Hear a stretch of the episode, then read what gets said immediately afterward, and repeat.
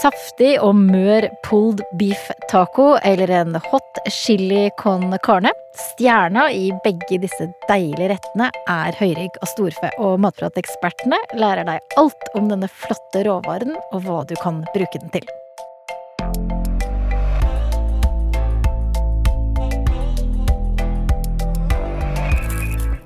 Velkommen til Matpratpodden. Eh, jeg heter Katrine Hude, og sammen med meg i studio er det som alltid to eksperter fra Matprat. Marta Ransborg, hei. Hei sann. Og Anette Fjelleng Hansen, hei. Hallo. Høsten den er her, og vi beveger oss fra grilling og over til gryter og stekeovn. Ja, det, om sommeren så er det jo ofte sånn at vi craver kanskje litt mer sånn friske salater eller kalde retter. Eh, og i hvert fall for min del altså er ikke matlisten helt på topp når sola steiker og det er eh, tropenetter eh, flere dager på rad. Så nå begynner det å bli kjøligere ute, og da kjenner i hvert fall jeg på at varm mat, sånn som gryter og supper, det er det som frister. Mm. Så gjerne da mat som har masse smak, og som kan stå og putre lenge.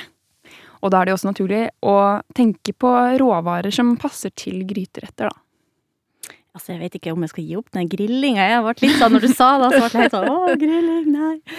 Jeg griller hele året. Så, men det er jo litt sånn at du kjenner jo bare at du vil krype opp i sofakroken, du vil dra på det pleddet, tenne litt stearinlys, det er god stemning, og du bare kjenner liksom lukta som siver litt sånn ifra kjøkkenet, mm. eh, og at det står der og putrer og godgjør seg. Og det er jo Mange er jo kanskje litt mer sånn heime eh, når det er ute på høsten. Det er, man vil være inne i varmen. Og da gjerne kose med litt mat som varmer òg. Omkring hjertet. Mm.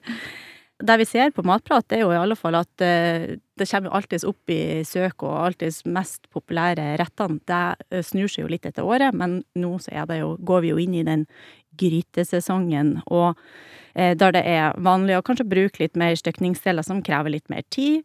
Eh, I de her høstgrytene, høstgrytene, som bog eller bibringe, og kanskje aller spesielt da, er det jo høyryggen som kanskje står øverst på den der populærlista, da. Mm. Ja. Den er litt sånn naturlig følge til høsten. Men hva er det som gjør den høyryggen så populær? Hva er det som er så spesielt med den? Så først og fremst vil jeg jo si at det er de rettene som er høyryggen er i, som gjør at den blir en sånn naturlig valg inn i, i den, da. Uh, enten om det er uh, gryta eller lapskaus eller hva, men det er liksom Den får jo litt eh, drahjelp av det. Men i tillegg så er det et, et, stykke kjøtt som er veldig smaksrik og saftig. Altså at det kan bli veldig smaksrik og saftig. Og når jeg sier kan bli, det er for at det krever litt tid og litt tilberedning for å komme liksom dit at det blir saftig og mørt. Det er ikke nødvendigvis så vanskelig, men tida spiller på lag her. Høyryggen sitter jo på forparten av dyret, altså litt sånn nedafor nakken etter virvel nummer sju, så hvis du kjenner liksom nedi gjennom nakken, og litt sånn ned mellom skulderbladene, eh, så er det cirka der før du går over i entrecôte-delen av eh, så midt på ryggen, da. Og som vi vet, så er jo kjøtt det er muskler. Eh, og muskler som blir brukt mye, sånn i forparten av dyret, eh, de blir sterkere, og så får de grovere muskelfibre, og da òg et mer seigere kjøtt. Så derfor eh, må man bruke tid. I tillegg så har jo høyryggen mye bindevev i seg òg. Så for at de her muskelfibrene skal bli mjuke, og bindevevet skal brytes ned, så trenger du å tilberede over tid, da. Mm. Så uh Smak og mørhet det påvirkes av om du koker lenge eller steker lenge. Mm, ja.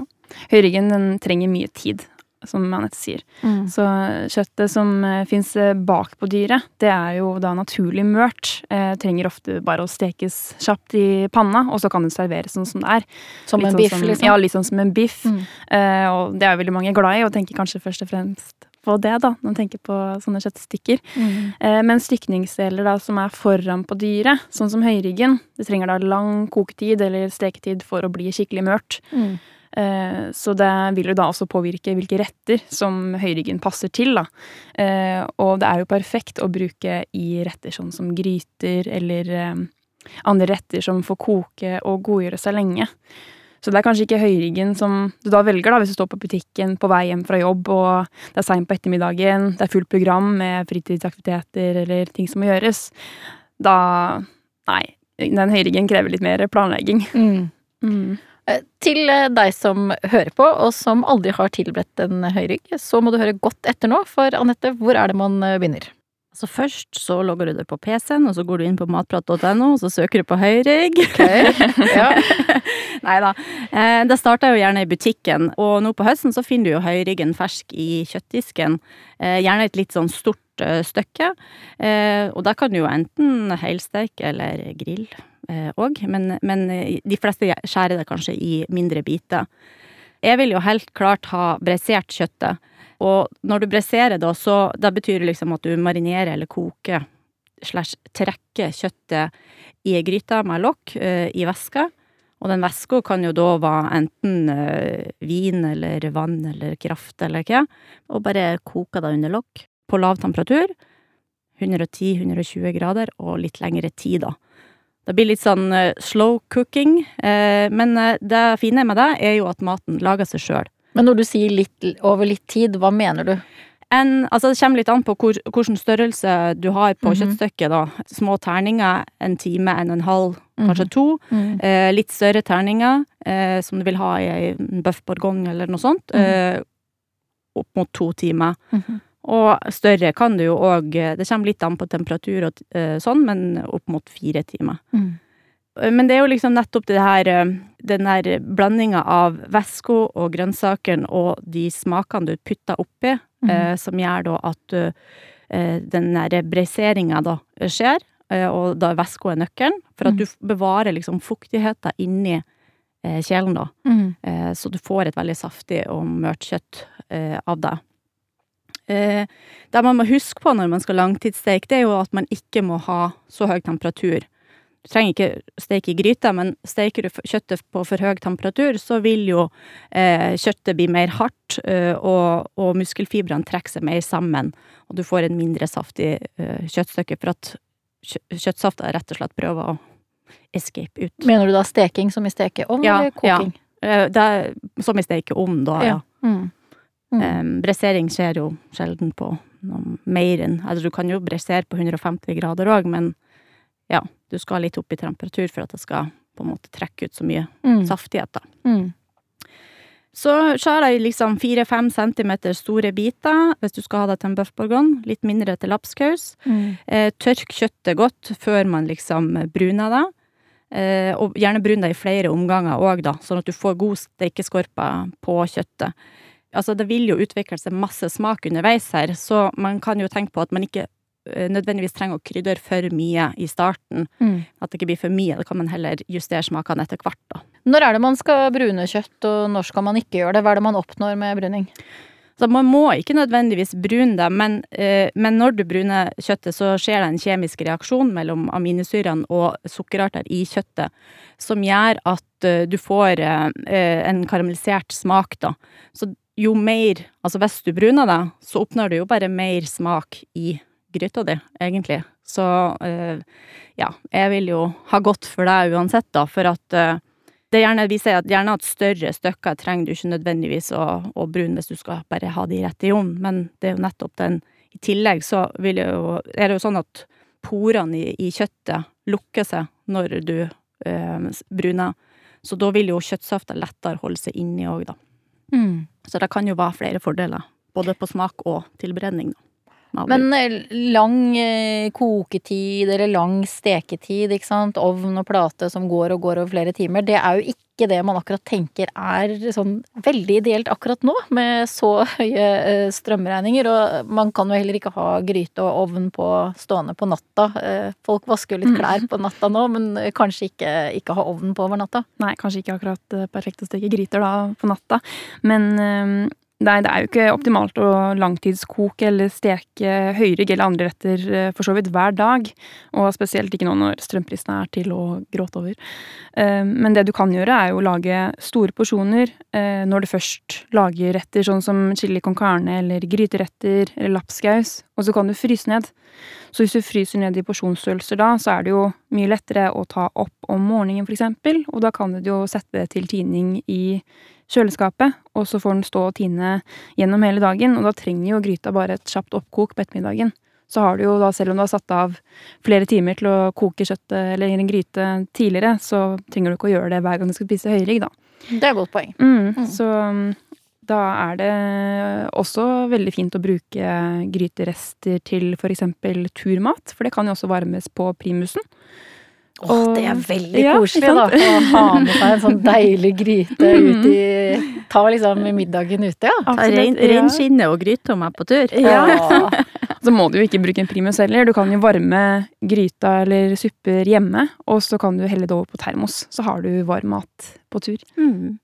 Ja, store porsjoner det er jo eh, fint å lage når du først er i gang. Det er jo både for meal preppen sin del at du slipper å forberede mat hver dag, eh, men òg det at eh, du kan eh, spare på strømmen.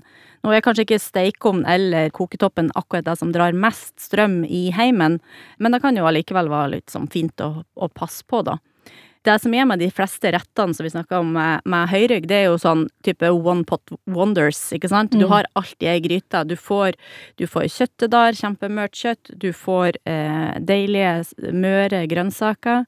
Eh, og du får en sånn helt fantastisk saus, ikke sant. Og det alt på én kokeplate, eller i ei gryte i ovnen, ikke sant. Eh, så da slipper du å stå med fire eh, kasseroller og koke sausen i én og, og grønnsakene i den andre. Så totalt sett så kan det jo hende at du faktisk sparer strøm. Mm. Ja, en liten gavepakke, det der. En liten gavepakke, det der. Og i tillegg så er det jo òg eh, Skjærer du i litt mindre biter, så trenger du ikke den firetimersen akkurat nå når det her mm. tidene er som de er, da. Mm. Eh, eh, høyrygg er jo også et godt valg for den som er opptatt av bærekraft. Og mm. det er jo nettopp fordi kjøttet liksom ikke er så veldig mørt i utgangspunktet. Ja, nei, det er jo ikke den mest uh, møre delen. Uh, men når det er sagt, så er det jo viktig å utnytte hele dyret. Og det handler jo om flere ting. Det handler jo om økonomi og klima, og ikke minst at vi må se potensialet i å utnytte alle stykningsdelene. Mm. Så skulle vi eh, alle bare valgt å spise fileter, eller det som anses å være de fineste delene, som gjerne er de mest populære delene også, så ville vi jo sittet igjen med enorme mengder kjøtt som ikke blir brukt. Eh, og når matproduksjon i seg selv er en ganske stor påkjenning på klimaet, så er jo det viktigste vi kan gjøre, er jo å sørge for å utnytte den maten som allerede er produsert. Mm. Ja, det er jo mange av de eh, ikke-møre stykningsdelene som går med til å lage kjøttdeig i dag. Eh, og vi er jo en nasjon som er veldig glad i kjøttdeig, og det, det, er jo fint, det. Men det å se nettopp potensialet i de her råvarene som ikke er mør, eh, for de kan imponere vel så mye eh, som en indrefilet eller en entrecôte, og på en måte få utnytta de. Så det er jo her tid og kjærlighet eh, kommer inn som en sånn eh, X-faktor på sida, da, for å mm. få det bra. Og når vi er da over på kjærlighetssporet her, hva er deres eh, favorittretter med høyrygg? Marta, hva med deg? Jeg er, jo, jeg er jo skikkelig fan av taco, da. Sånn som mange andre. Eh, men taco for meg nå er jo ikke akkurat det samme som da jeg var barn. Eh, da var det den, gjerne den klassiske store tortilla-lefsa fylt med kjøttdeig, mais, ost, kanskje litt sånn crispy salat.